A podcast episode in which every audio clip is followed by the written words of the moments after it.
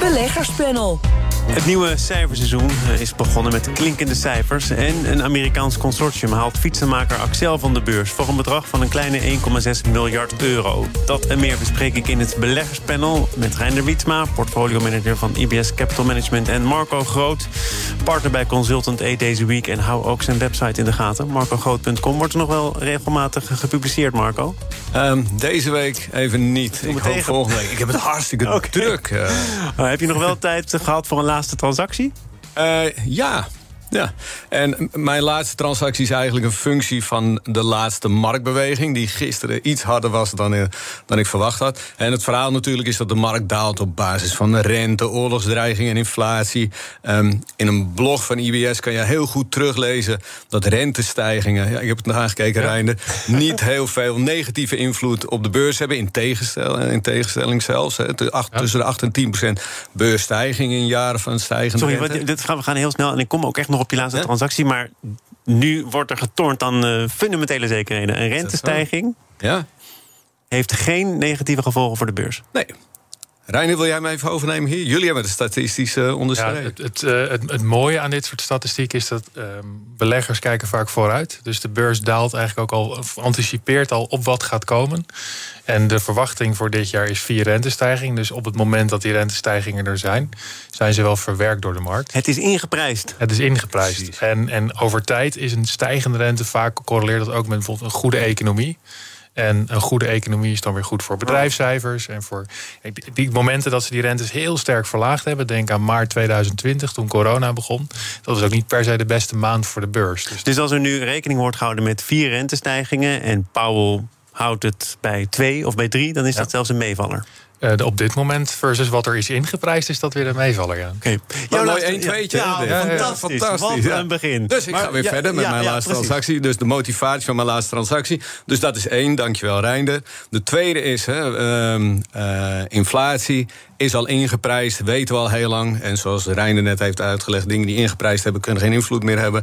En dan is er natuurlijk de oorlogsdreiging. En als je terug gaat kijken naar Maximum drawdowns heet dat in vaktermen. Dus hoe hard kan een beurs dalen? Als er een oorlog is, dan is de grootste daling ooit 15% geweest. En gemiddeld is dat 5%. En hou je vast, meestal als het oorlogsspel begint... dan schiet de beurs juist omhoog.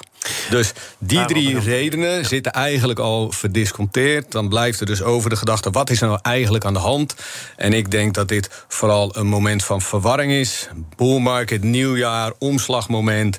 Er is weinig veranderd fundamenteel.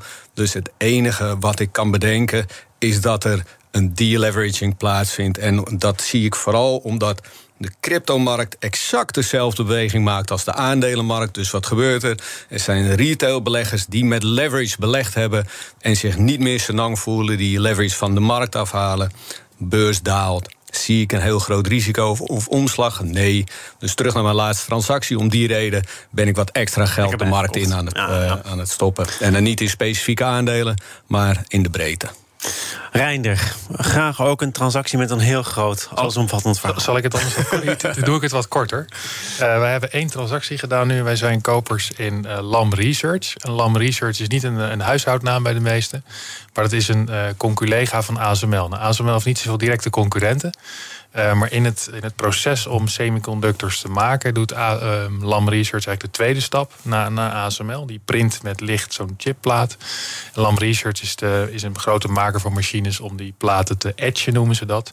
Dus om weer um, nou ja, een soort fotoresist aan te brengen. Zo gaat zo'n chip door zo'n heel stappenproces heen. Het is een grote onderneming. Uh, 80 miljard aan, aan beurswaarde. Geen schuld. een miljard of 18 aan omzet. En, ook is, daar... het daarmee een concurrent van ASML? Nee, het is echt een, een partner, collega. Ze, ze, ze kunnen soms bij elkaar raken, maar in, in de meeste gevallen moeten ze juist goed samenwerken. Want ASML maakt de machines waar met licht geprint wordt op die chipplaat. En Lam Research is juist het, die, degene, die maakt de machines die het spul aanbrengen waardoor je kan printen met licht. Dus dat is eigenlijk de volgende processtap. Het is uh, onbewust ook een heel mooi bruggetje naar het cijferseizoen. Daar ja. moeten nog heel veel cijfers komen. ASML heeft al wel uh, de boeken geopend en uh, laten zien hoe het ervoor staat. Goed volgens mij. En als je kijkt naar die cijfers, heeft het ook voor een deel te maken met het feit dat de onderhoudstak nu volop draait. Omdat ja. veel klanten van ASML niet lang kunnen wachten op het leveren van die machine. En zeggen, nou dan moeten we maar eens kijken naar wat we al hebben staan. En dat optimaal benutten. Ja. Dat is wel een opvallende beweging, denk ik. Zeker. Nee, kijk, de hele transitie van ASML, omdat ze die machines die ze verkopen, die draaien ook bijna zonder uitzondering allemaal nog. En wat nu de leading machines zijn, zijn straks de wat oudere. Uh, maar de klanten van ASML willen graag meer productie draaien. Want het woord chiptekort zal je waarschijnlijk net zo vaak gehoord hebben als, als corona onderhand. Vertel eens wat over. Um, dus die willen die productie opvoeren. Nou, een manier om dat te doen is, is softwarematig. Dus gewoon zorgen dat die machines sneller draaien, zodat je er meer chips uit kan halen. ASML verkoopt die software. En het voordeel van het verkopen van software is dat je hele hoge marges haalt zonder dat je heel veel hoeft te doen. Uh, in die zin dat je een update kan doen en nou ja, dan komt het geld binnen. Um, dus ASML verkoopt veel meer. Het moet er alleen niet toe gaan leiden dat sommige klanten denken: nou, laat die nieuwe machine dan maar zitten. Nee, maar dat gebeurt gelukkig niet, want ze zijn uh, strak uitverkocht. In ieder geval voor 2022 en 2023. En eigenlijk de nieuwe orders gaan al over de jaren daarna. Um, dus ja, het is een softwarematige update die uh, zorgt voor meer productie. Hoe gaat dat met bedrijven die al jaar in jaar uit geweldige cijfers laten zien... en die ook nog kunnen zeggen, nou de toekomst ziet er nog weer beter uit... want de chiptekorten zijn we voorlopig nog niet vanaf. Kun je dan nog met je kwartaalcijfers echt indruk maken, Marco? Ja, er is een mooie term in de markt die heet under promise and over deliver. Um, ik denk dat misschien Netflix een, een goed voorbeeld is. Mhm. Als ik even hardop denk nu uh, naar aanleiding van jouw vraag. Waar de cijfers eigenlijk, wat mij betreft, uh, in lijn waren. En dat er in de pers gezegd werd dat het aantal nieuwe leden een tikkie tegenviel. Nou, volgens mij was het het tweede cijfer achter de komma van duizendtallen wat tegenviel. Dus zo groot was die tegenvallen niet helemaal. En als je dan door de jaren heen kijkt en naar de omzet van Netflix kijkt, dan is het volgens mij 20 miljard, 25 miljard, 30 miljard. En de operationele winst en de cashflow heeft ook dezelfde trend. Dus het is veel meer een, een sentimentsissue. En hoe het verwoord is waar de koers op reageert, dan de daadwerkelijke uh, onderliggende nou, ontwikkeling. Nou, we hebben jullie natuurlijk niet zomaar samen geboekt. Jullie zijn bedreven blijkbaar in de 1 2tjes Want jij had, Reinder, Netflix ook op je lijstje staan, omdat het jou wel degelijk tegenviel. Um, nou, de, combinatie van. Maar um, wat op zich wel fascinerend is om te zien dat Netflix natuurlijk een, een uitermate of een hele grote winnaar is van de pandemie. Uh, het bedrijf is heel hard gegroeid in een hele korte tijd. Um, maar de beurswaarde is ondertussen weer gelijk aan die in 2018. En dat zegt al iets over hoe je, dus nou ja, waar je net eigenlijk aan refereert, expectations versus reality. De expectation was heel lang dat Netflix nog heel lang hard zou blijven groeien. Dat zat in de koers. Nou, je ziet nu, en dat is waar Marco ook aan refereert, de, de nieuwe de, de outlook van Netflix voor dit kwartaal is in plaats van wat verwacht was ongeveer 7 miljoen nieuwe subscribers, zijn het er twee. Um, dat is duidelijk lager. En dan gaat de markt kijken van ja, hoe hard kan je nog en hoe lang kan je nog groeien. Maar worden ze te hard afgerekend op op zich nog goede prestaties? Nou, de prestaties en, en, en wijken niet heel erg af in die zin dat over de afgelopen kwartaal het allemaal keurig was. Maar de, beleggers zijn toch altijd heel nerveus over wat ja, de verwachtingen. Uh, en er ging in twee dagen een derde van de beurswaarde af. En dat is toch een miljard of zeventig minder. Uh, dus ja, dat is wel, dat is wel stevig. Ja. Kijk, wat ik daarmee bedoel te zeggen is dat kijk vooral naar het lange termijn gemiddelde bij. Ik kan me nog heel goed herinneren dat een jaar geleden uh, Microsoft heel hard werd afgestraft. Omdat bij Azure de, de cloud-opslagdivisie verwacht werd dat de omzet meer dan 50% zou groeien. En het, de uitkomst was, let op, 49 procent. Ik geloof dat er die dag 5 of 6 procent van de koers afging. Ja. En het kwartaal, of sorry, het half jaar daarna verwachtte de markt 47 procent. En toen werd het 51 uit mijn hoofd. Ik weet, hou me niet vast aan de getallen, maar dat was ongeveer het ritme. En de koers spoot weg. Dus ik denk dat je als je fundamenteel vertrouwen hebt in een bedrijf, dat je vooral eh, je positie uh, of je belang in dat bedrijf wil bouwen op basis van het fundament waarin je op lange termijn gelooft. En die korte termijn momentum.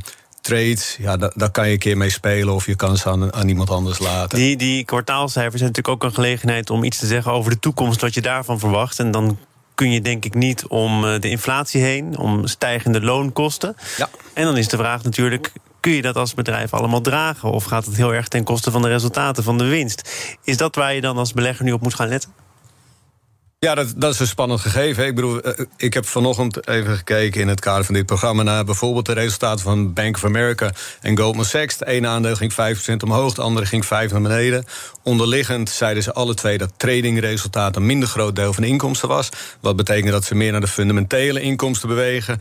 Um, die waren bij beide heel goed. Maar Goldman Sachs ging naar beneden, het aandeel, omdat zij heel nadrukkelijk zeggen: wij hebben enorm last van wage inflation. Het is moeilijk om aan goede mensen komen en wij moeten veel meer betalen. Als je de conference call van Philips terugluistert, dan hoor je iets soortgelijks. En eigenlijk is dat uh, tone of voice die je bij heel, heel veel bedrijven hoort. En waar ik heel benieuwd naar ben in, het, in, in de komende rapportages. Philips eh, had ook nog wel wat meer te melden, want eh, het viel allemaal niet mee. Sterker nog, het viel tegen. Heeft voor een belangrijk deel ook nog te maken met de afhandeling van die slaapapneuapparaten, waarvan alles aan mankeerde. Dit zei de topman Frans van Houten gisteren in de ochtendspits tegen mijn collega Bas van Werven. Zeker gaan we een verbetering verwachten. We hebben aangegeven dat we 5 tot 6 procent zullen groeien als we die slaapbusiness even niet meerekenen. Ja. En, en 3 tot 5 procent eh, groeien als we die wel meerekenen. Mm -hmm. En dat de winstverbetering tussen de 40 en 90 basispunten ligt. Dus we gaan dit jaar uh, weer een stap naar voren maken. Dit is een stap naar voren, maar wel als je de slaapbusiness eventjes voor de goede orde vergeet. Ja ook logisch misschien dat Frans van Houten wijst op zaken die wel goed gaan. Hè? Nieuwe contracten met ziekenhuizen, een goed gevuld orderboek. Ja. Is dat ook voor beleggers toch nog iets om met voldoende vertrouwen uh, ja, naar te kijken? Zeker, maar ook waar we, ik ga er even terug refereren waar we het eerder over hadden. In die zin dat je bij Philips ziet dat er een hele hoop negativiteit in, in de koers verwerkt is. Dus als je het gewoon vanaf dit moment gaat bekijken. Um, ja, dan ga je toch wel weer terug naar de dingen die wel werken. Omdat het probleem, dus de slaapapneuapparaten... die die 5,2 miljoen die ze dan weer terug moeten halen, repareren, et cetera... Uh, daar is wel genoeg aandacht aan gegeven. Dat denk ik wel. De key to succes is low expectations in die zin dat uh, de verwachtingen op een gegeven moment ook wel uh, behoorlijk neerwaarts zijn bijgesteld. We gaan ons in dit beleggerspanel ook even buigen over de wereldkaart. BNR Nieuwsradio. Zaken doen.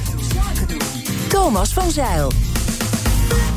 Het beleggerspanel wordt vandaag gevormd door Reinder Wietsma en Marco Groot. En de spanningen op de grens van Oekraïne en Rusland lopen op. Poetin heeft al meer dan 100.000 troepen aan de grens geplaatst. En verschillende landen, waaronder de VS, roepen families van ambassadepersoneel op om Oekraïne te verlaten. Eh, Marco, misschien maar om eh, mee te beginnen, dit soort spanningen, je zei er al iets over eerder in dit panel. Heeft dat invloed op de beurs, op aandelenkoersen? Jazeker. Um, ik denk dat uh, als je met je vinger boven de knop hangt om uh, iets te doen, dat dit een van de, van de overwegingen is die je, die je zeker mee zal nemen op het moment dat het speelt. En het, het is niet dat het. Um, dat het twee kleine landjes zijn. Hè. Dit, dit zijn echt grote issues. En Amerika heeft zich natuurlijk uitgesproken. We hebben allemaal gelezen dat Biden troepen naar West-Europa stuurt. Uh, en um, ja, dan wordt het heel lastig. Um, maar het eilt ook weer snel weg. Ja, ik, het spannende hier van, van, van deze situatie is, en ik zei het eerder vandaag tegen Rijn, uh, uh, dit is brallen of knallen. En uh, het duurt heel lang voordat het uh, knallen geblazen is. Dus ik denk dat het vooral uh, een, een hele grote armdrukwedstrijd is op dit ogenblik. Maar ook het gebal heeft al invloed op bijvoorbeeld gasprijzen, energieprijzen. Ja. En dat is dan weer een van de factoren die van belang zijn bij het beteugelen van inflatie. Of ja. juist het oplopen van inflatie. Is dat ook Zeker. wat hier met name dominant is in hoe koersen ontwikkelen? Zeker. Ik denk dat de gemiddelde belegger in Amerika er veel moeite mee zou hebben om Don Jesk op de kaart aan te wijzen. Dus ik vermoed niet dat daar heel veel beleggers echt naar kijken. In die zin dat dat nou ja, schermutselingen zijn die, die er zijn. Maar het is natuurlijk vooral de leveranciers van gas aan Europa. Uh, we hebben gewoon een gastekort. Of in ieder geval ja, ook afhankelijk van hoe koud het nog gaat worden. Um, nou, en dan inflatie is wat je al aanhaalt van wat doen centrale banken op dit type inflatie. Want je kunt de rente op 10% zetten, maar dan nog steeds heb je geen gas uh, op de juiste plek. Um, en dat is een, een, ja, een spanningenveld in die zin dat we het gewoon niet weten. Het Kremlin heeft al wel laten weten via een woordvoerder dat, ook al volgen er eventueel sancties, ja. Rusland de gascontracten respecteert. Met een verwijzing zelfs naar de Koude Oorlog. Toen deden we dat en dat zullen we nu weer doen. Daar zit een kleine nuance in. In die zin dat Rusland heeft een goede staat van dienst, heb ik mij laten vertellen, door um, om contracten na te komen. Alleen heel veel contracten zijn niet afgesloten in die zin dat als je gewoon kijkt naar de pijplijnen nu, dan stroomt er de Jamal-pijplijn, die gaat door Polen heen. Daar stroomt al vanaf 21 december geen gas meer doorheen. Maar dat, is normaal een handelspijplijn om eventuele tekorten op te lossen. Uh, maar er is geen contract voor. Uh, dus wat je nu ziet is dat ze hun contracten wel nakomen. Maar eigenlijk de flexibele leveranties die er normaal ook bij zitten die, die zijn er niet. Waardoor het toch penibel kan worden. Waardoor we nu ver onder onze voorraden zitten, die we normaal wel zouden kunnen bijvullen.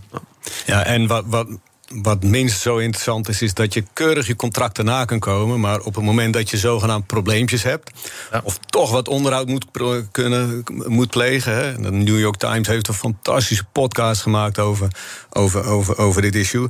Dan kan je toch even die kraan dichtzetten en zeggen: hey, shit, er zit, er zit ergens een barstje in. Of ik moet ergens de bezem doorhalen. Gas staat even stil paniek in West-Europa. En dan zeg je, ja, weet je, contract is contract. We snappen het helemaal. Zet het kraantje weer open. Maar je hebt toch even een plaagstootje uit, uitgedeeld. Ik kwam tegen dat BlackRock de geopolitieke spanningen bijhoudt in de Geopolitical Risk Barometer. En die staat op het laagste punt in vier jaar tijd. En BlackRock constateert dat dat juist gevaarlijk is. Want geopolitieke schokken kunnen investeerders op dit moment meer overrompelen dan gebruikelijk. Zo kan je het ook uitleggen.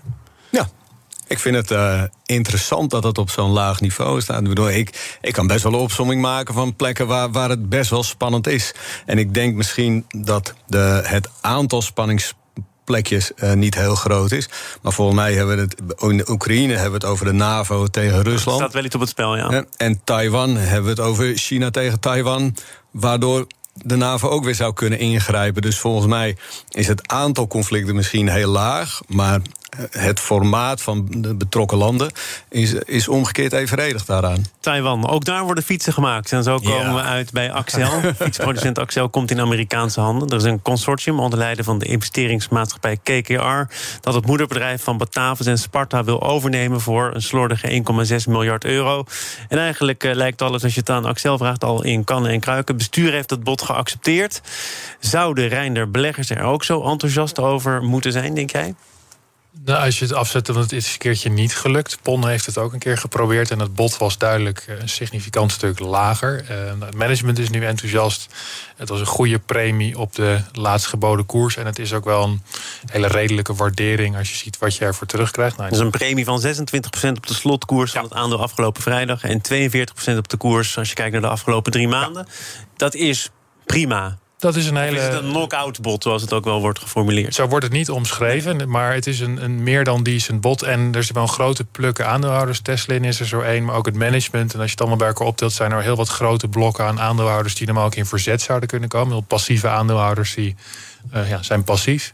Maar de grote actieve aandeelhouders hebben hun uh, zegen al gegeven. En die maken nu dus ook onderdeel uit, is wel goed om dat even te zeggen, van dat overnemende consortium. Ja. Teslin bijvoorbeeld is al overgestapt naar de andere kant. Ja, dus die gaan mee in, in deze private equity um, deal. Dus die doen mee met KKR. Nou, KKR heeft gezegd we voor zeven jaar, wat een normale doorlooptijd is voor zo'n fonds. En Tesla committeert daar ook aan als, als aandeelhouders met 10, 10 punt zoveel procent belang. Dus die, uh, die doen mee. Ja, en er is nog een aandeelhouder, Hoogblarik, 7,5 procent. En ik heb even teruggekeken, Tesla en Hoogblarik zitten er al sinds 2017 in. Overigens wel interessant is dat Tesla volgens mij vorig jaar augustus van 7 naar iets meer dan 10% is geweest. Dus buitengewoon goede timing. Maar ze zitten er al heel lang in. Ze hebben meegemaakt dat PON erin is gegaan... dat PON er weer uit is gegaan omdat ze het niet konden kopen. En PON heeft in die tussentijd 20% gehad.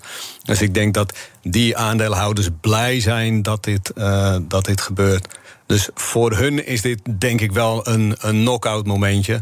Uh, omdat als ik, als ik kijk naar de KKR, rapporteert niet wat voor rendementstargets ze hebben, maar hun hele portefeuille randeert ongeveer 15 procent. Het is private equity, dus het zijn soft valuations. Maar als ik hiernaar kijk, dan betalen ze 1,6 miljard. Er zit 150 miljoen schuld in. Er komt ongeveer 200 miljoen cashflow uit in een goed jaar. Dus ze betalen ze krijgen 8, 9 procent rendement. Dat betekent dat ze nog best wel hard moeten werken om dat gemiddelde, dat rendement naar gemiddeld te krijgen. Dus ik denk niet dat er heel veel meer uh, in zit dan wat, wat er nu geboden is. Ze financieren overigens deze overname voor een deel weer met een lening, 700 miljoen. Is, dat nou, is dat nou typisch private equity? Heel, dit is, hoe het dit is super klassiek. Uh, KKR is ja. natuurlijk ook bekend van de oude Barbarians at the Gate uh, van vroeger uit. Maar uh, dat is het zeker niet meer. maar dat is tot vijf keer het bedrijfsresultaat. Dan noemen ze dan EBITDA, dat is een hele ruwe metric voor hoeveel cash komt de onderneming binnen als je niet meer zou investeren. En vijf keer is absoluut hoog.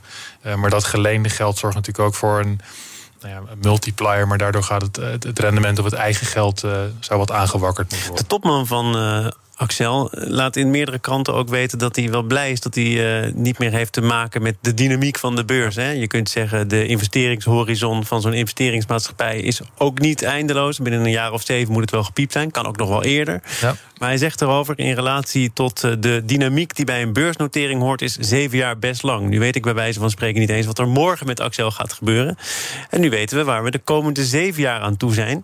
Uh, snap jij deze opluchting die bijna doorklinkt in die woorden. ik ga het op een gemene manier, of misschien wel op een gemene manier zeggen... maar meneer Ambeek heeft daarvoor heel veel moeite gehad in zijn tijd... bij Beter Bed, met, met het communiceren met, met aandeelhouders. Dus ik denk dat hij na tien jaar spartelen met aandeelhouders... misschien best wel opgelucht is dat, dat hij nu maar met één persoon aan tafel hoeft te zitten. Als ik daar dan nog een klein beetje gemeen overheen mag... mag hij ook onder gunstige voorwaarden meedoen met de deal met KKR. Ja, dat is ook een hele goede inderdaad. Meestal zijn dit soort private equity deals... een, uh, hebben een hoge kans van slagen. In die zin dat het voor het management op gunstige voorwaarden meedoen.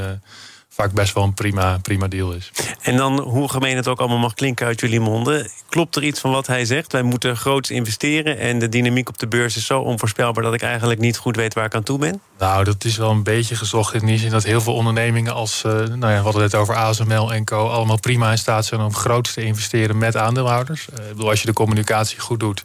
dan kunnen aandeelhouders heel geduldig zijn... Uh, en dan kun je hele mooie dingen bouwen op de beurs. Um, het wordt niet vriendelijker op allemaal, want dat is nou ja, nee, maar dat, wil, niet gebeurd. Dat, is, nee, dat, dat, dat wil ik niet per se insinueren, maar uh, het kan zeker wel op de beurs. En, en als je een duidelijk verhaal hebt, dan, uh, dan kan dat uh, zonder meer. Dank voor jullie duidelijke en soms ook allesomvattende verhalen. Marco Groot van Eat Deze Week en van de website marcogroot.com. En Reinder Wietsma, heb je ook een website? Uh, ibsca. nou, had ik die gelegenheid had ik je niet moeten bieden. Reinder Wietsma, fijn dat je er was. Zometeen dan uh, ga ik met mijn zakenpartner spreken over fraude... en spreek ik in de aanloop van de gemeenteraadsverkiezingen... 16 maart met de lijsttrekker van D66 in Utrecht.